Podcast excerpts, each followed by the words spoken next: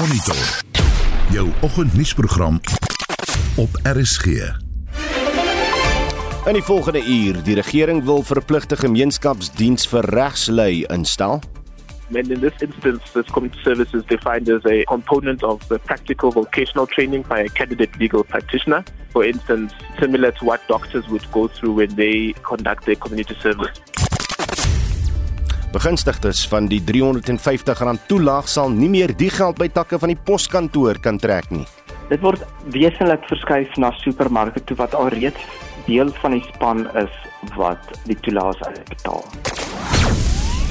Cricket Suid-Afrika laat vaar sy tugsaak teen Mark Boucher en die DA plaas sy Johannesburg streek onder administrasie. Goeiemôre en welkom by Monitor. Die redakteur vanoggend is Jean Estreys en die produksieregisseur Johan Pieterse en ek is Udo Karlse.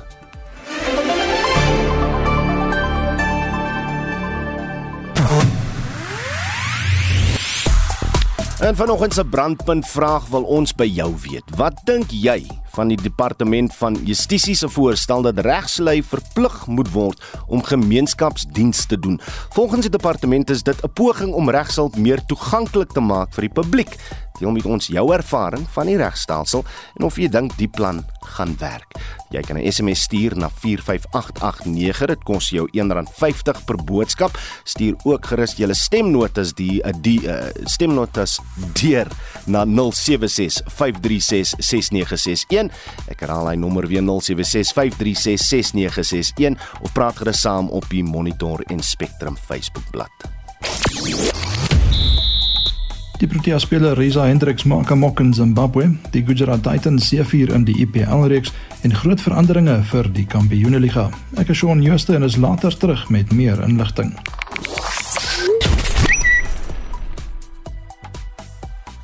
Sosiale media gons oor Ria Ledwaba wat nie haar eie media-konferensie kon bywoon om haar veldtog vir die presidentskap van die Suid-Afrikaanse Sokkervereniging bekend te stel nie. Safa sê persone mag nie in openbaar hulle kandidaatskap bekend maak voordat die finale benoemingslys aangekondig word nie. En die Amerikaanse sangeres Rihanna trek groot aandag. Sy het aangekondig dat haar gremering en velsorgprodukte later hierdie maand in Suid-Afrika, Nigerië en ander Afrika lande beskikbaar sal wees.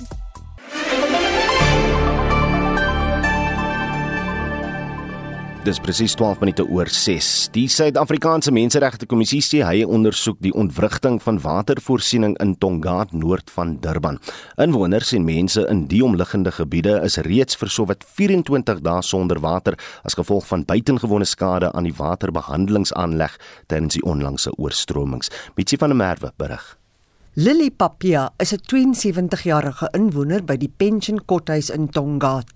Soos baie inwoners hier, is Papia nou afhanklik van 'n nie-regeringsorganisasie vir water. Sy sê sy slaap baie aande sonder dat sy 'n druppel water gedrink het. How easy. It's not hard. I go morning, go bring the bucket. My two hands are paining. I can't make it. At night, I can't sleep. The way these hands are paining. Soon as I say the tanker came, we run with our bucket. It's all cottage. We are all old people.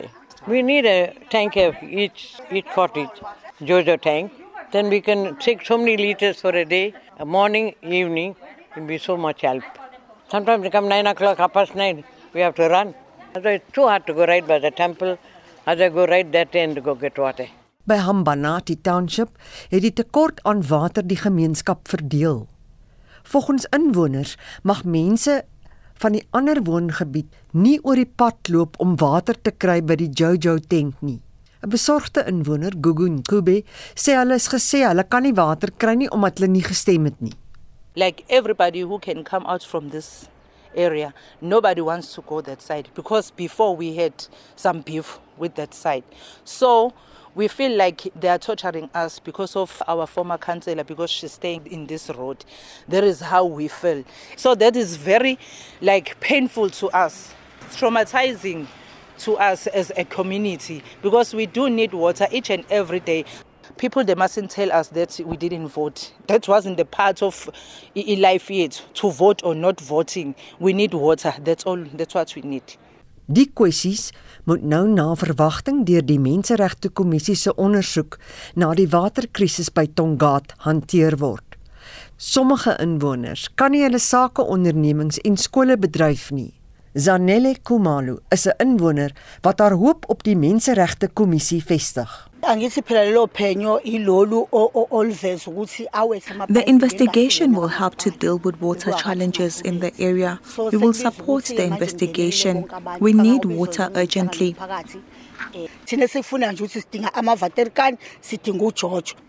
Die koördineerder van die Tongaat Rampverligtingstrust, Chantel Neer, sê hulle sal intussen aanhou om water aan die gemeenskappe te verskaf.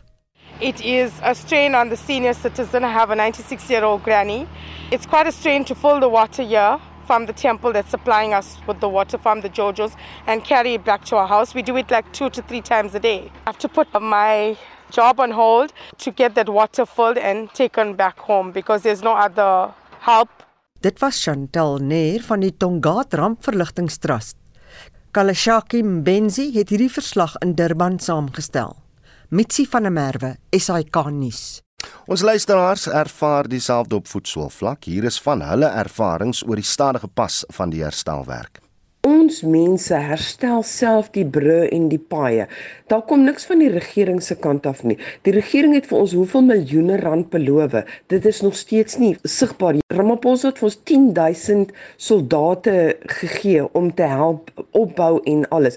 Daar is nie. Jy sien hulle nie in die strate skoonmaak nie. Jy sien hulle besig skoonmaak nie. Ons mense doen dit self. Dis Sandra uit Durban. Waar is die personeel? Ek sien net eenvoudig nêrens mense werk nie. Oral waar jy ry lê sand en gemors takke, enige gemors wat op die paaie gespoel het.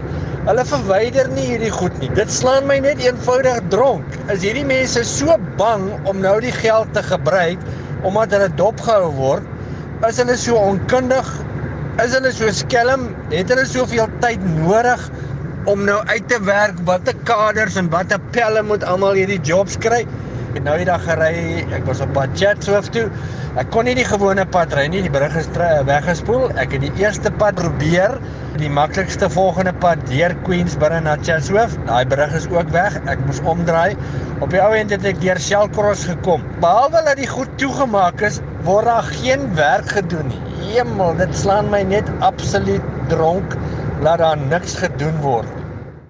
En dit was van ons luisteraars se terugvoer oor die sloer van herstelwerk in KwaZulu-Natal.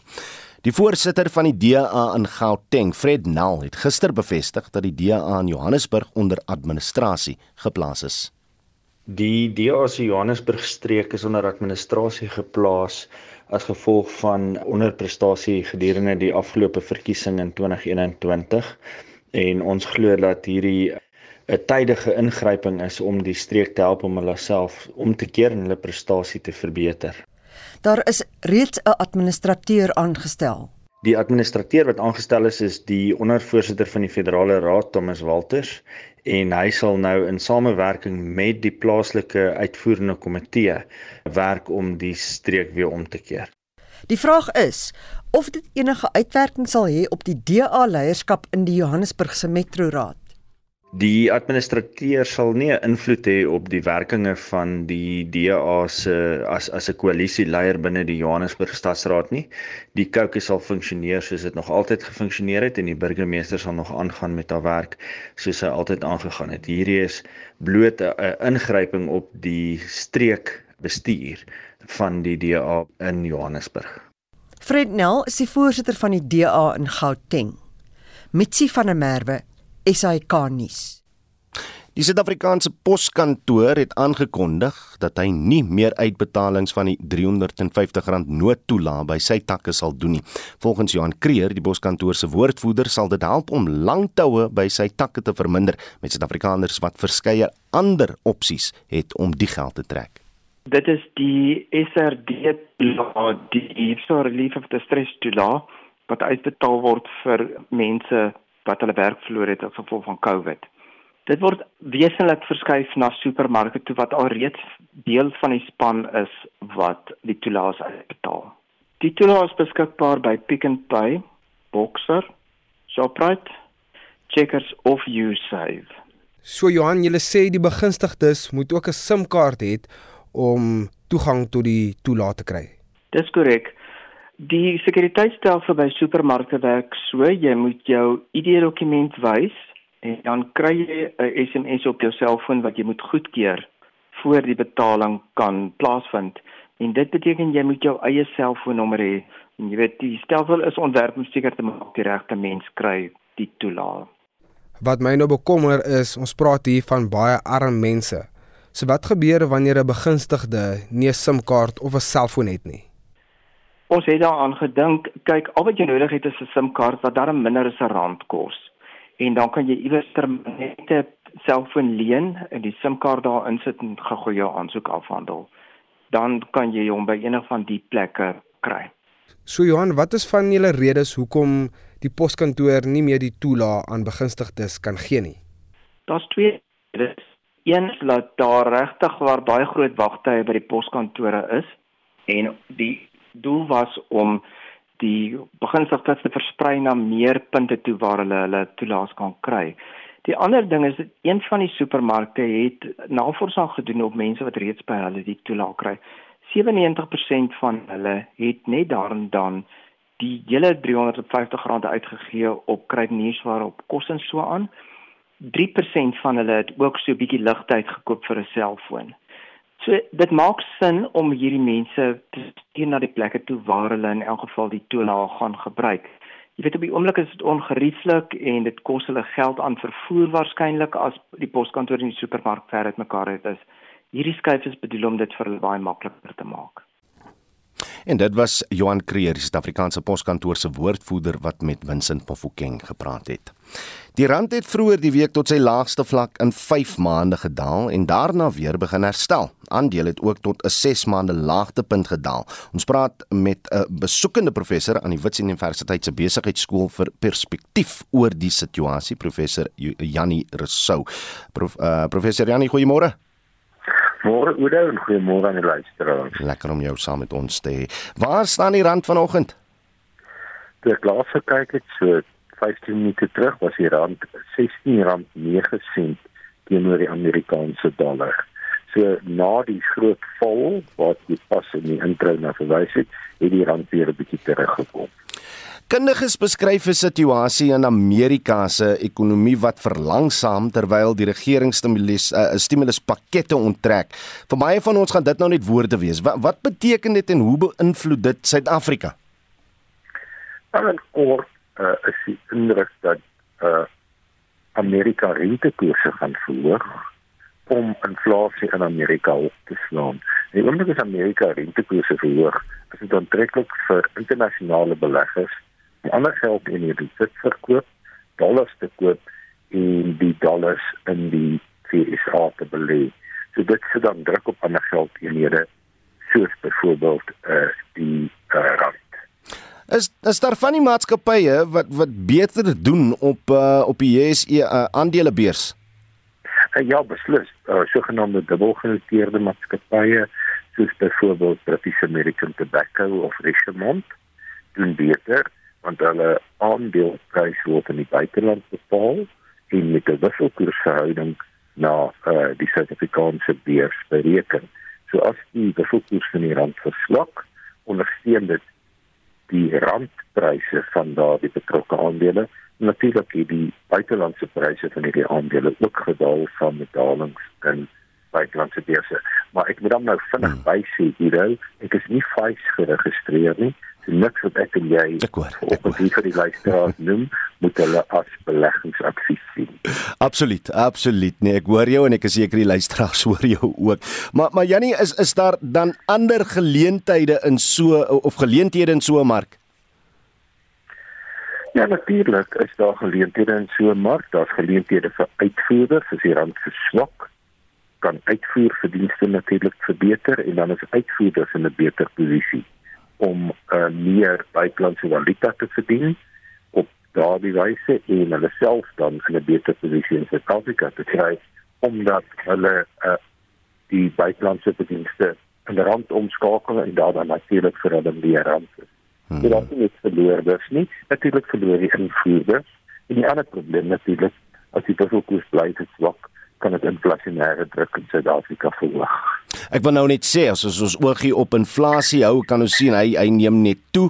Uh is dit 'n tendens wat net gaan aanhou in so 'n mark? Nee, uh, dis nie 'n tendens wat net gaan aanhou nie. Die Reservebank fokus tog uh, daarop om die inflasie koers in die inflasie teikenband te hou. Maar wat ons dan kan verwag is inflasie gaan aanhou styg dat die reservebank rentekoerse gaan verhoog om inflasie te bekamp. Hmm. Die invloed wat die oorlog in Oekraïne op die ekonomie in Europa het en en en dan natuurlik gaan gaan dit 'n aanslaan effek hê hier in Suid-Afrika. Ja, die oorlog in Oekraïne is natuurlik ontwrigtend in die mate wat sekere uitvoer onderbreek word. Oekraïne word 'n posmandjie van Europa genoem wat sien dit dat inflasie koers in baie Europese lande begin styg het. En die ander probleem van die oorlog in Oekraïne natuurlik is die druk wat dit op die olieprys plaas. Hmm. En, en ons as Suid-Afrikaner sien dit in 'n baie hoë petrolprys wat ons op die oomblik betaal. Die nasionale olieprys is meer as 100 dollar per vat. So, wat dink jy gaan gaan met die, met die rand gebeur oor, oor so die volgende maand of so? Ek weet hoe dit is nou al so lank ekonom dat ek nie graag wisselkoerse voorspel nie want uh, wisselkoerse voorspellings is natuurlik die mees gevaarlike voorspelling wat daar is. Uh toe die rand 'n paar jaar gelede teen 19 rand teen die dollar was, as enige iemand vir jou gesê het ons gaan praat van 'n rand selfs teen 16 rand en 9 sent teen die dollar sou jy vir gelap het. Hmm. Maar my gevoel is dat die rand 'n vlak gaan vind iewers tussen 15 en 16 rand teen die dollar. Ons moet net onthou dat ons natuurlik na die dollar kyk want dit is waar teen ons rand geïnvesteer word. Ons het 'n soortgelyke verswakkende tendens byvoorbeeld teen die euro gesien. Hmm. So uh, ons sien nie die uh, dollar maar dit is natuurlik 'n baie verswakkende tendens. Die rand is nou teen die uh, euro teen omtrent 17 rand. Dis 'n vlak waar hy in 2019 was. So dit is tipe van die groot uh, bewegings byvoorbeeld in die euro wat ons oor die laaste 3 jaar gesien het, het die rand nie regtig oor hierdie 3 jaar teen die euro geswak nie. As hy professor Janie Rousseau is 'n besoekende professor aan die Wits Universiteit se besigheidskool. Cricket Suid-Afrika het gister alle klagtes teen die Protea se hoofagvrigter Mark Boucher teruggetrek. Boucher moes op 16 Mei vir 'n tugverhoor voor die Cricketraad verskyn wat ook nou laat vaar is. Uh, volgens voorsitter van uh, Cricket Suid-Afrika se raad, Losse Naidu, is die besluit geneem na raadpleging met hul regspan. Vincent Mofokeng het met hom gesels. Na raadpleging met sy eksterne prokureurs het Cricket Suid-Afrika bygevoeg dat hy tot Boucher se regskoste sal bydra. Aanklagte van rasisme is teen Boucher aanhangig gemaak nadat 'n voormalige spanmaat, Paul Adams, by verlede jaar se sosiale geregtigheid en nasiebouverhore gesê het dat hy tydens sy speeldae 'n slagoffer van rassediskriminasie was.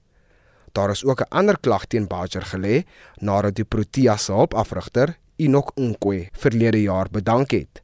Die voorsitter van die Raad van Cricket Suid-Afrika, Lawson Naidu, Cricket South Africa has been in regular contact with its legal team over recent days as they were preparing for the disciplinary hearing of Mr. Boucher that was due to start on the 16th of May.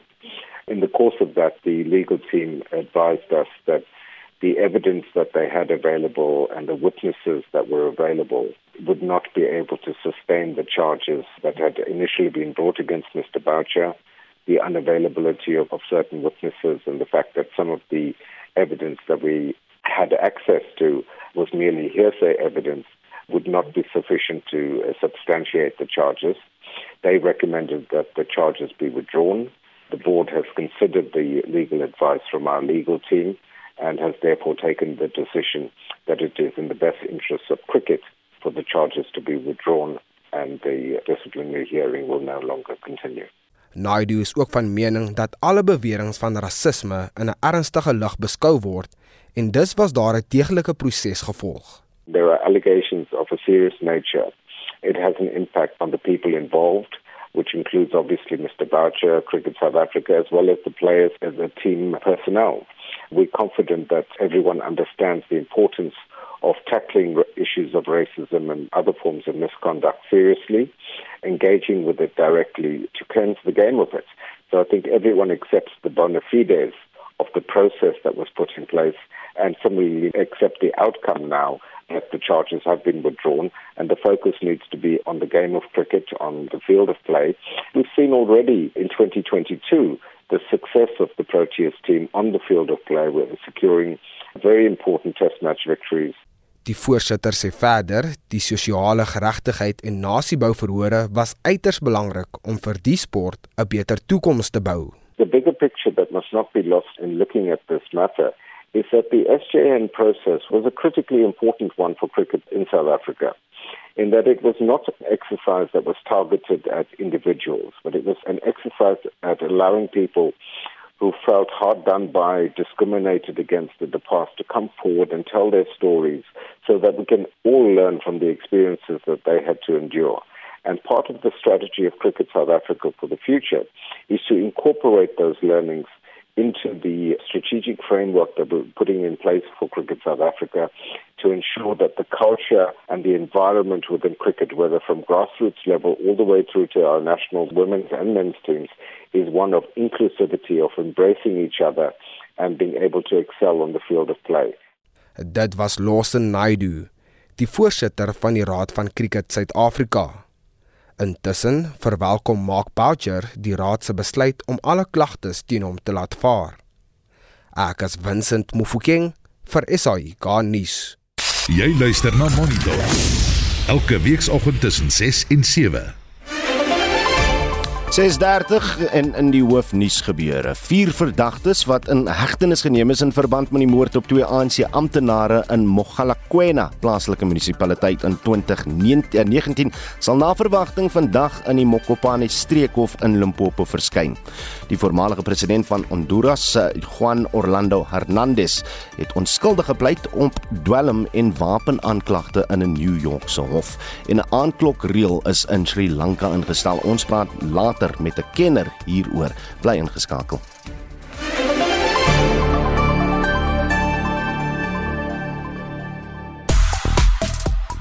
Goeiemôre, ek is Marlene Forsheen. Ek is hier met jou terugvoer oor ons luisteraarsvraag vanoggend. Ons wil weet, wat dink jy van die departement van Justisie se voorstel dat regslui verplig moet word om gemeenskapsdiens te doen? Op die SMS-lyn skryf oom Johan, gemeenskapsdiens vir regslui is 'n goeie idee, maar is hoogs twyfelagtig of die departement van Justisie en korrektiewe dienste oor die nodige kundigheid beskik om sodanig die plan te implementeer. Hulle kan nie eens die howe se biblioteke op daar te bou nie. 'n Skema soos die in die vooruitsig gestel sal te veel gevra wees vir 'n departement onder leiding van 'n patetiese minister soos Ronald Lamola. Dis Johan wat so skryf. En dan op Facebook skryf Renay Maree uitstekende idee en sommer ook werk by die universiteit regsklinieke doen, sowel as by nuwensgewende organisasies. Magda Pinaar Reinhardt skryf ook op Facebook as mediese personeel en onderwysers dit moet doen, hoekom dan nie die regslyn nie? Maar op Facebook. Heelwat mense wat nie hiermee saamstem nie. Jy kan vir ons 'n SMS stuur 4589101 R50. Ek sien nou is al 'n paar stemnotas. Hulle is op pad 0765366961 of gesels saam op ons Facebookblad. Ek vir die jongste sport nie sluit ons nou by Shaun Jooste aan. Goeiemôre Shaun. Goeiemôre Oudo. Die Suid-Afrikaanse A-span eh, se toer na Zimbabwe het gister tot 'n einde gekom. Dis nou cricket en die twee topspanne in die IPL reeks het mekaar gister gepak. Wie koning gekraai in daai kragmetings? Ja, die Suid-Afrikaners eindig hulle toer deur die Zimbabwese elftal. Gister in die 5de en laaste T20 wedstryd met 92 lopies te vermorsel en palm die reeks 4-1 in. Risa Hendrik se oog was vroeg reeds in.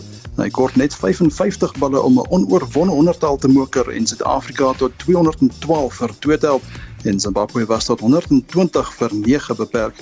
Die Suid-Afrikaners het die eendagreeks ook met 2-1 gewen. In die IPL reeks is die Gujarat Titans die alleen voorlopers nou op 18 punte nadat hulle die Lucknow Super Giants gister met 62 lopies verslaan het. Lucknow is vir 'n skamele 82 uitgeboonder terwyl Gujarat 144 op die tellbord geplaas het. En Gujarat is ook die eerste span om vir die uitklopfase te kwalifiseer. Die Rajasthan Royals en Delhi Capitals pak mekaar vanmiddag 4uur. Ja wat uh, kleibaan tennis aksie op die oomblik want die Franse Oop is net 11 dae weg uh, en ek sien in die, uh, die die tweede ronde van die die Rome Oop het uh, gister plaasgevind, ja? Of die Italiaanse Oop liewer.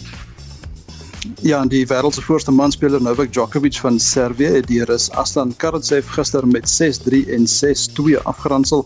En hy is net 3 wedstryde weg van sy 1000ste professionele oorwinning. Nou Djokovic haal gewoonlik minstens die kwart eindronde in Rome en moet nou die halfeindstryd haal om nommer 1 op die ATP ranglys te bly. Die Engelse Premier Sokkerliga staan nou tot die einde se kant toe. Daar was gister een wedstryd gewees en dan is daar ook nuus uit UEFA. Uh ek sien daar sekere uitbreidings van die kampioene en Europese ligas aangekondig. Ja, in die Engelse Premier Liga het Liverpool gisterand in 'n wegwedstryd 2-1 teen Aston Villa geseëvier en hulle staan op 86 punte, dieselfde as die voorlopers Manchester City. Vanaand half 9 speel Leeds United teen Chelsea en kwart oor 9 is dit 'n Wolves teen Manchester City. Nou net ook ons het uh, gister gehoor dat Manchester City dan die uh, een van die wêreld se beste doelskutte opgeraap het. Dit is die Noorweer Erling Braut Haaland. Haaland het tot vir 85 doele in 88 wedstryde vir Borussia Dortmund, die Duitse klub, aangeteken.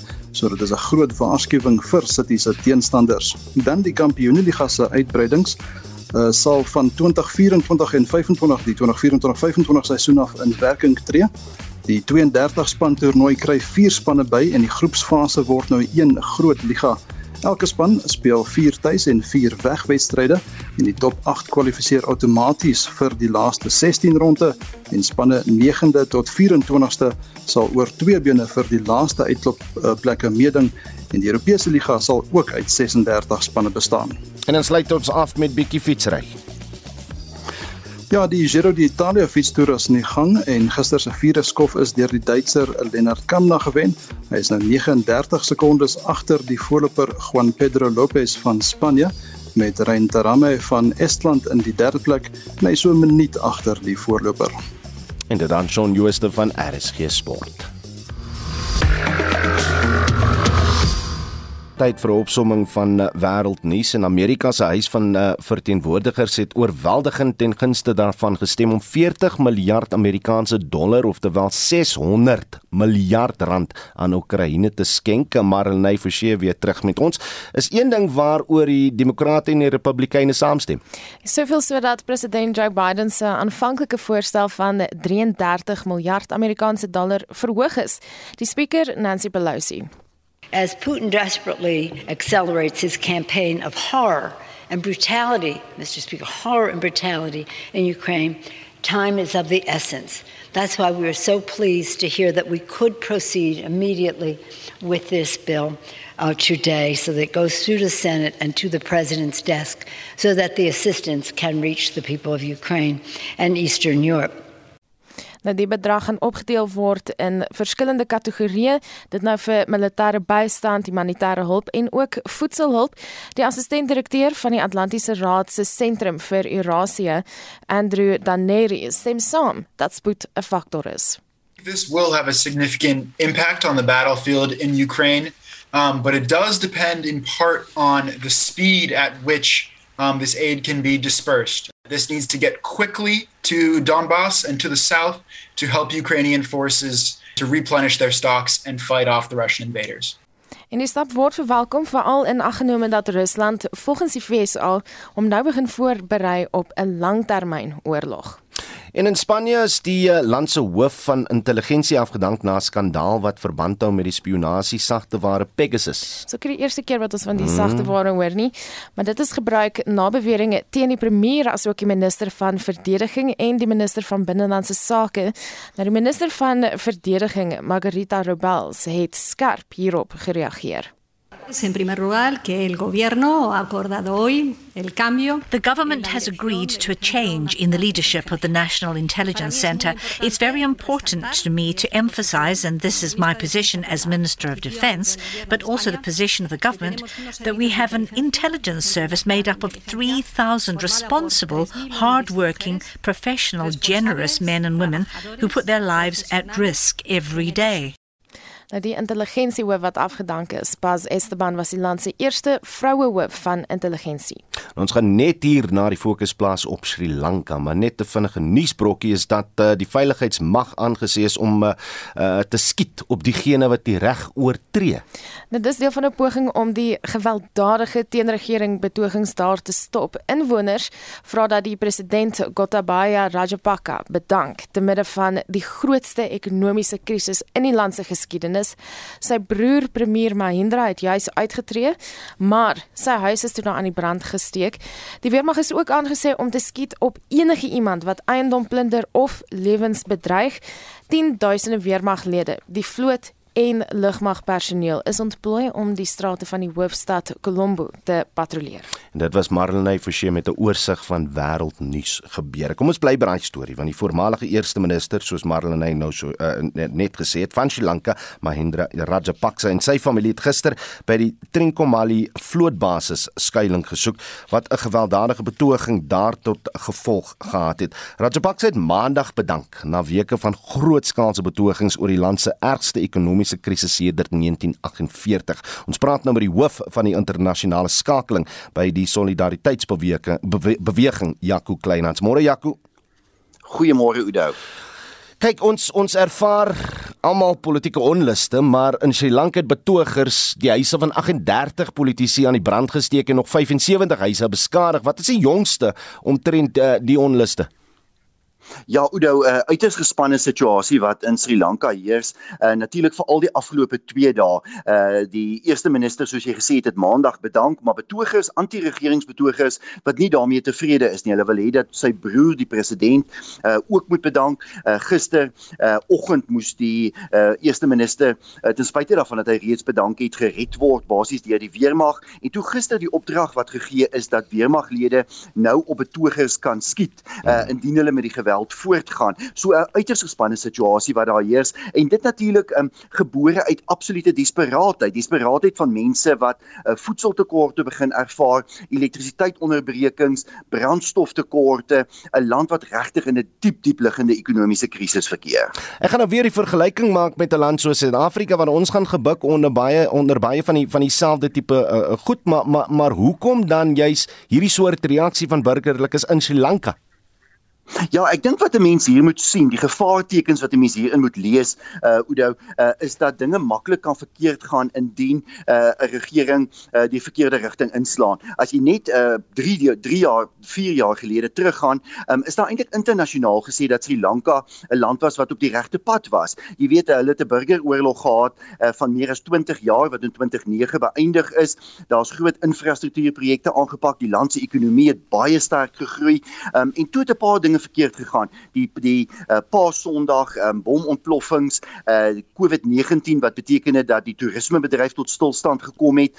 Uh groot buitelandse skuld van meer as 50 miljard Amerikaanse dollar wat deur die regering aangegaan is. Uh belastingverlagings wat veroorsaak het dat die regering se inkomste uh, skerp afgeneem het. Um en skielike dinge omgekeer na 'n situasie waar die land tans net 50 miljoen dollar se buitelandse reserves het. Hulle kan op die oomblik nie betaal vir die invoer van brandstof nie. Hulle kan basiese voedsel soos koring en melk nie bekostig uh, om in te voer nie. En dit wys vir 'n mens hoe maklik dinge verkeerd kan loop hmm. uh, uh, in in 'n ekonomie veral in ontwikkelende lande. Suid-Afrika ook 'n ontwikkelende land. Ons ekonomie natuurlik baie sterker as die van Sri Lanka, maar steeds gevaarligte wat ons sien. Dit wat in Sri Lanka gebeur kan in baie ander lande oor die volgende paar jaar gebeur. En en en dis so dis hoe ek hierdie storie begin kyk want die Sri Lanka regering het gedoen waar waar 'n ding gedoen waar waarvoor daar baie druk in Suid-Afrika ook uh, was oor die afgelope paar jaar of so. En en en dis dat hulle BTW in 2019 van 15 tot 8% verminder het. Hoe het hierdie besluit bygedra tot die ekonomiese krisis waarmee hulle nou sit? Ja, dit het gelei tot 'n skerp afname um, in die regering se inkomste en wat het die Sri Lankese regering toe gaan doen? Hulle het eenvoudig meer geld gaan leen. Hulle het veral geld gaan leen by China. Ehm um, uh, 10% van hulle buitelandse skuld is tans uh, skuld hulle aan die Chinese regering. Die Chinese wil natuurlik uh, terugbetaling sê. Om jy dit te gee, net sedert 1950 het hulle al 16 uh, lenings by die internasionale monetaire fonds aangegaan en verlede maand kon Sri Lanka vir die eerste keer ooit uh, nie sy buitelandse buitelandse skuld uh, terugbetaal nie. Um, en en dit is omdat hulle afhanklik was uh, op twee dinge vir uh, buitelandse valuta. Een, uh, toerisme inkomste. Toerisme is 10% van hulle ekonomie. Aan die ander kant is daar natuurlik honderde duisende Sri Lankese burgers wat in die buiteland werk. Baie van hulle werk in golflande soos Qatar en uh, die Verenigde Arabiese Emirate en hierdie mense het vir lank baie geld teruggestuur na hulle land. Maar weens COVID-19 het beide hierdie twee inkomstebronne basies opgedroog, maar die buitelandse skuldeisers het gesê wel ons wil nog steeds terugbetalings hê vir ons skuld. Ehm um, en dit is waar die land nou uh, beland het. Eintlik die afgelope 2 maande, ons het 'n maart maand gesien die groot elektrisiteitsonderbrekings, die eerste tekorte gesien waar sekere produkte nie meer ingevoer kon word nie en nou het ons 'n 2 maande lange ekonomiese krisis wat oorgegaan het in 'n politieke krisis wat lei uiteindelik die afgelope paar dae tot hierdie geweld. Jaco Kleinans is die hoof van internasionale skakeling by die Solidariteit beweging. Die departement van Justisie en Grondwetlike Ontwikkeling vra openbare kommentaar op die voorstel van verpligte gemeenskapsdiens vir prokureurs en advokate in ons land.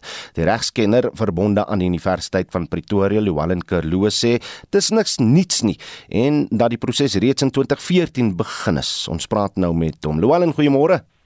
Goeiemôre. Hoe kan jy luisteraars? Wat was die aanvanklike idee in 2014 en hoe speel dit tans uit? Ja, miskien net 'n bietjie agtergrond. Jy sal onthou in 2014 is die voormalige wet op prokureurs en die wet op advokate heroep en vervang met uh, die wet op regspraktisyns of beter bekend in Engels as die Legal Practice Act van 2014, hmm. wet 28 van 2014. Nou uh voorheen in in, in kort het dit beteken dat die voormalige twee beroepe basies wat alle regulatoriese aspekte aan betref natuurlik gealgemeeneer het uh en dat ons nou 'n situasie het dat hierdie wet alle regspraktisyns en kandidaat regspraktisyns uh, affekteer hmm. en uh alles rondom hulle uh, affekteer. Hoeveel uur sal dan van regsgeleerdes verwag word om uh, gemeenskapsdienste te doen? Ja, miskien net 'n bietjie dit ook. Uh, jy sal onthou dat die meeste professionele professies het een of ander vorm van gemeenskapsdiens. En tong en die kies praat baie keer van dokters byvoorbeeld as die sogenaamde Zuma jaar wat hulle bedoel. Hmm. 'n Prokureur het in die verlede altyd so min of meer 24 uur gratis diens per jaar gedoen in terme van die ou wetgewing. Maar nou sê die nuwe wet uh professionele persone, nou praat ek van prokureurs en advokate, moet ge 40 uur minimum per jaar gratis werk verrig en natuurlik kandidaat prokureurs of uh pupille soos hulle bekend staan moet 8 ure uh per jaar doen uh, of gedeelte daarvan afhangende van uh, weet wanneer hulle begin uh toegelaat word of gepraktiseer. Nou in kort beteken dit dood eenvoudig dit moet afgeteken word deur hulle prinsipale voordat hulle kan toegelaat word as formele praktisyns en in die geval van praktisyns wat reeds praktiseer prokureurs en advokate jaarliks tydens die betaling van hulle jaarlikse subskripsies hmm. moet die kliënt natuurlik vir wiele die werk gedoen het een of ander sertifikaat onderteken wat dan saam met dit ingedien word. Hoe hoe word gemeenskapsdiens gedefinieer? Wel, dit sou enige vorm van gratis regshulp wees vir kom ons praat dan maar van jou armlastigstes, uh die die armes onder die armstes, uh mense wat natuurlik nie in die middele toetse voldoen nie. Uh maar daar is natuurlik in terme van die regulasies is daar sekere dinge wat uitgesluit kan word. Jy kan byvoorbeeld as regspraktisyn voorsit by die as 'n kommissaris vir die hof van klein eise, jy kan vir staatsliggame sekere werk verrig.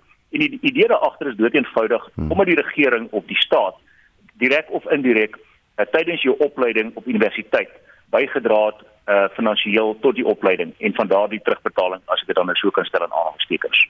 Dink jy dit gewerklik die armer mense toegang gee tot die regsprosesse want ek kan seker kwalifiseer gaan gaan werk ek vir 'n regsfirma daar in Sandton en dan kom my dienste nooit eintlik by die armstes van die armstes uit nie. Ja, baie van die groot firmas het natuurlik tradisioneel 'n afdeling in hulle groot firmas gehad wat net uh, gratis regsdiens gedoen het vir uh persone wat nie dit kan bekostig nie. Ehm um, so dis nie 'n nuwe ding nie. Uh, ek dink die enigste verskil tussen wat voorheen plaasgevind het en wat nou plaasvind is natuurlik dat nou formeel deel van die wet is en dit natuurlik gepolisieer kan word deur die hoogste statutêre liggaam van hierdie professie en dit is natuurlik die nasionale regspraktisyne raad wat voorheen nie die geval was nie. So ons het die, die situasie so 'n bietjie verander en die klem het verskuif. Ja jy's 'n lid van daai raad of, of hoe? Ja, daar is natuurlik in elke provinsie 'n provinsiale raad en dan is daar die nasionale regspraktisyne raad. Ek is inderdaad deel van daardie raad.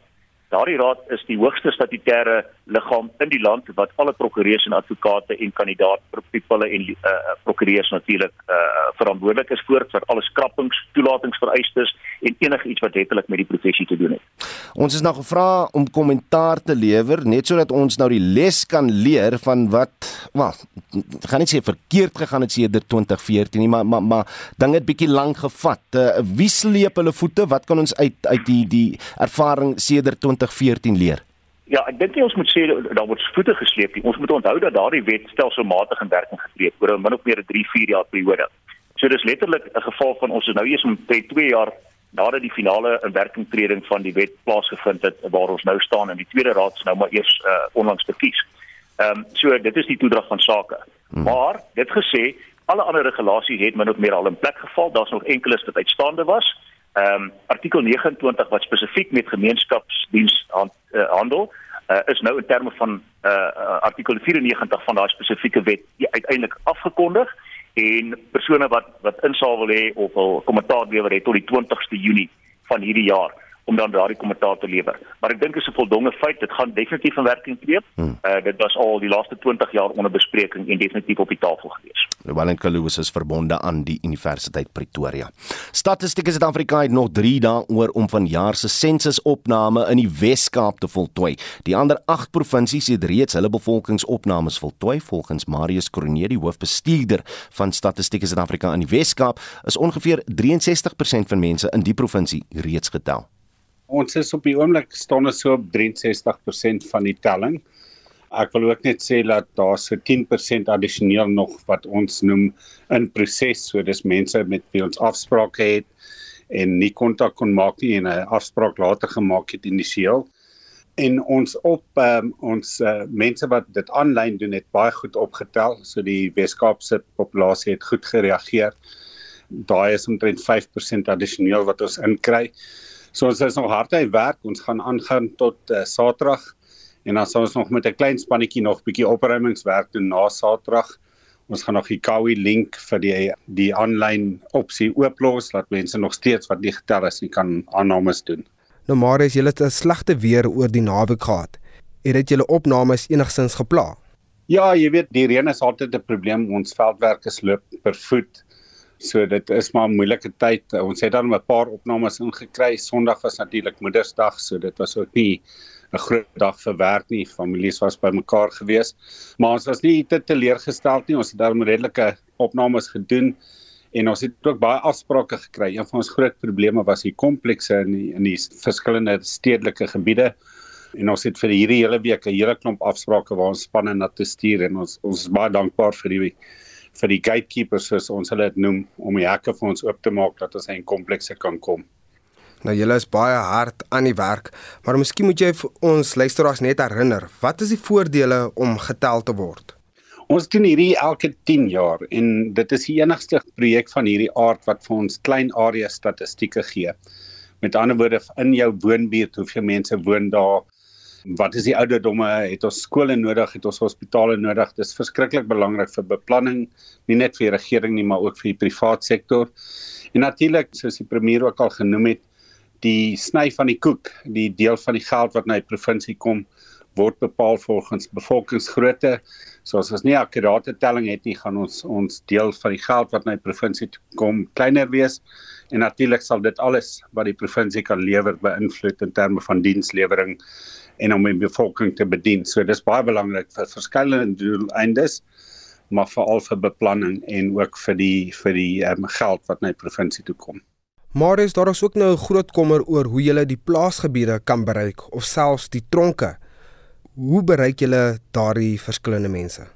Ja, die gevangenes het ons natuurlik samewerking van die departement, so ons kry daai inligting van hulle vir die aand van die 2de Onthou ons ehm um, aand van die verwysing is die 2de Februarie, so ons het daai al klaar gedoen. Plase is 'n moeilike gedeelte nie net uh omdat dit ver versprei is nie, maar ook vir toegang, jy weet boere is besig sekere areas oes hulle op die oomblik. So wat ons doen met plase is ons maak 'n afspraak en ons tyd wat ons 'n span kan stuur en dan nie net die hoofhuis stel nie, maar ook al die werkers op die plase is vir ons belangrik om daai te doen. Maar dit baseer ons maar op afsprake op die plase. En dit was Marius Koroneer, die hoofbestuurder bestuurder van Statistiek Suid-Afrika in die Wes-Kaap wat met Winsin Mofokeng gepraat het. Die minister van vervoer, Fikile Mbalula, het die nasionale spoorwegbeleid witskrif in Pretoria bekend gestel. Die beleidsdokument bepaal hoe passasiersdienste en spoorvrag in die toekoms uitgerol en bestuur sal word. Dit beklemtoon die belangrikheid van toegang tot spoorweë in afgeleë gebiede en werkskepping in die sektor. Joan Marie Verhoef het meer besonderhede. Die beleid poog om die mark oop te stel vir ander operateurs om diensgehalte en mededingende pryse in die vragsektor te verbeter.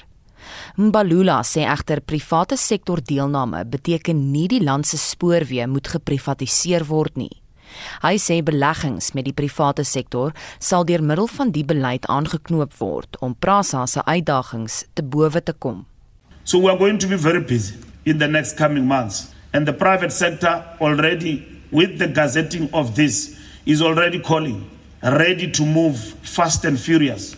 You are going to see work in the branch lines. You're talking from Mafikeng down to Johannesburg from Botshabelo to Tabanchu.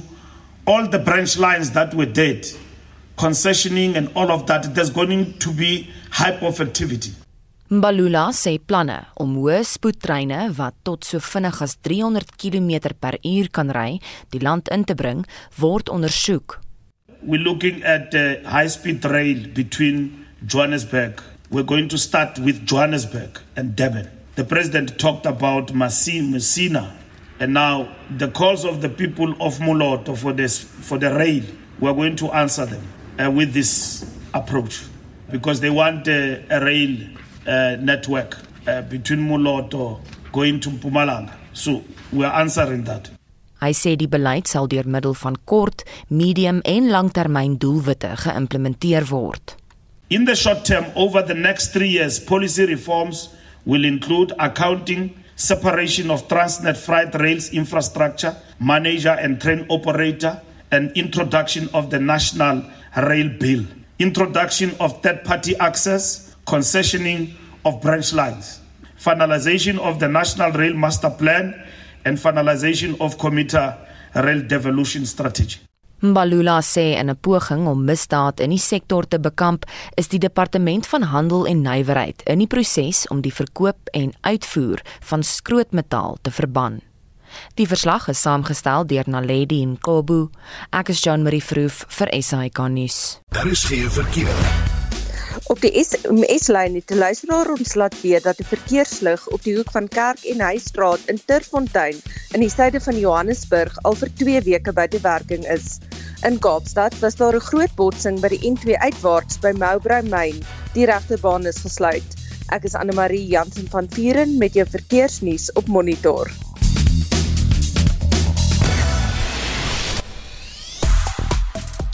Ons wil weet, wat dink jy van die departement van justisie se voorstel dat regslui verplig moet word om gemeenskapsdienste te doen?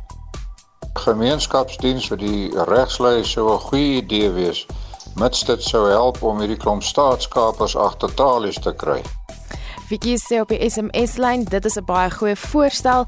Herman van der Berg op Facebook sê dit sal net vir 1 jaar soos 'n verbetering voel. Verder lewer dit mense uit aan minder goeie regsdienste, soortgelyk aan dit wat pasiënte in staatshospitale ervaar. Almal is gelyk voor die reg. Rykes is net meer gelyk. Jy kan nog steeds vir ons stemnota stuur vir Brandpunt en vir Spectrum 0765366961. Ek's Marlene Forsie, dankie dat jy saamgesels het. 'n Gewilde onderwerp op Twitter is die Eurovision Sangkompetisie, waar ondersteuners teleurgesteld is omdat 'n mansgroep van Letland nie tot die finaal deurgedring het nie. En die vervaardiging van COVID-19-entstowwe op die Afrika vasteland trek ook aandag. Dankie Anne Marie Jansen van Vuren. En daar om te skakel as nog heel wat nuus en aktualiteitsprogramme hier op RSG Spectrum natuurlik tussen 12 en 1 vanmiddag asook brandpunt omstreeks kwart voor 6. Dan groet ons namens ons uitvoerende regisseur Nicoline de Weer, die redakteur vanoggend Jean Esterhuizen en ons produksieregisseur Johan Pieterse. Ek is Udo Karlse. Totsiens.